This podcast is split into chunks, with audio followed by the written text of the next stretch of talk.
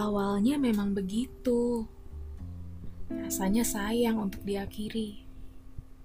Terlanjur kenal, terlanjur lama, terlanjur terbiasa, dan masih banyak terlanjur lainnya yang membuat kita bertahan hanya karena sayang untuk dilepas.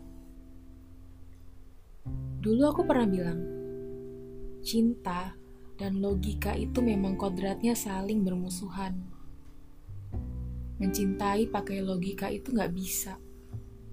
Apalagi melogikakan cinta. Bisa gila yang ada. Cinta itu indah. Ya, benar. Cinta itu bodoh. Ya, benar juga.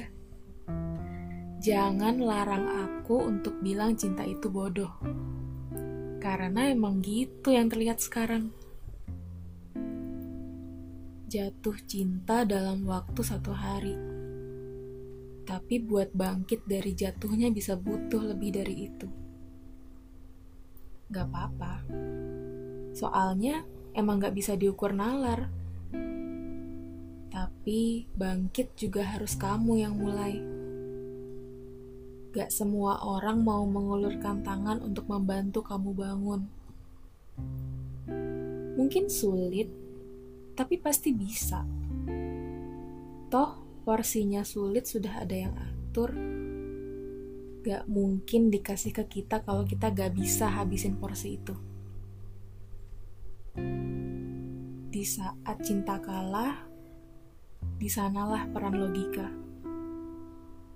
Mau tinggal tapi sakit dan rumit, atau pergi, sembuh, dan selesai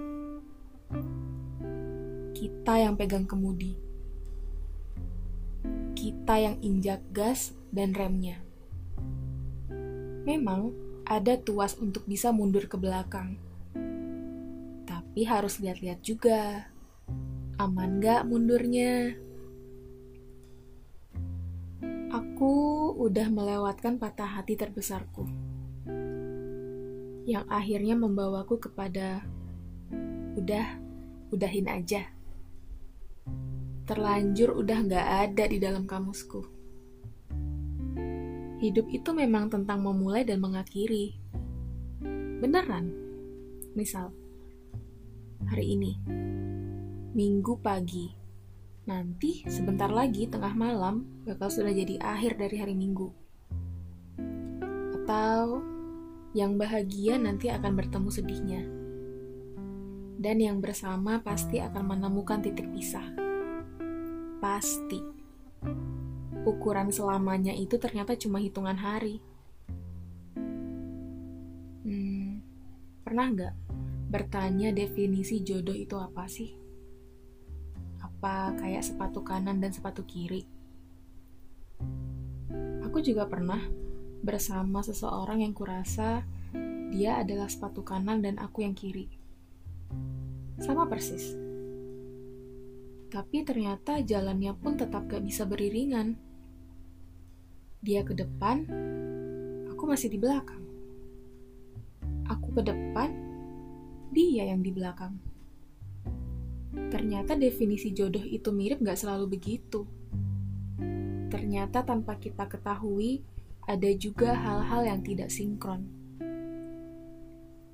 Tuhan ambil dia dari kamu karena ada banyak hal yang gak kamu dengar.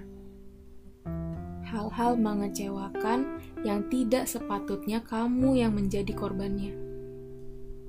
Serius deh, bahagia kita yang pilih kok. Ketika dia pergi, itu bukan salah kamu. Itu karena memang tidak semua orang bisa menerima cinta.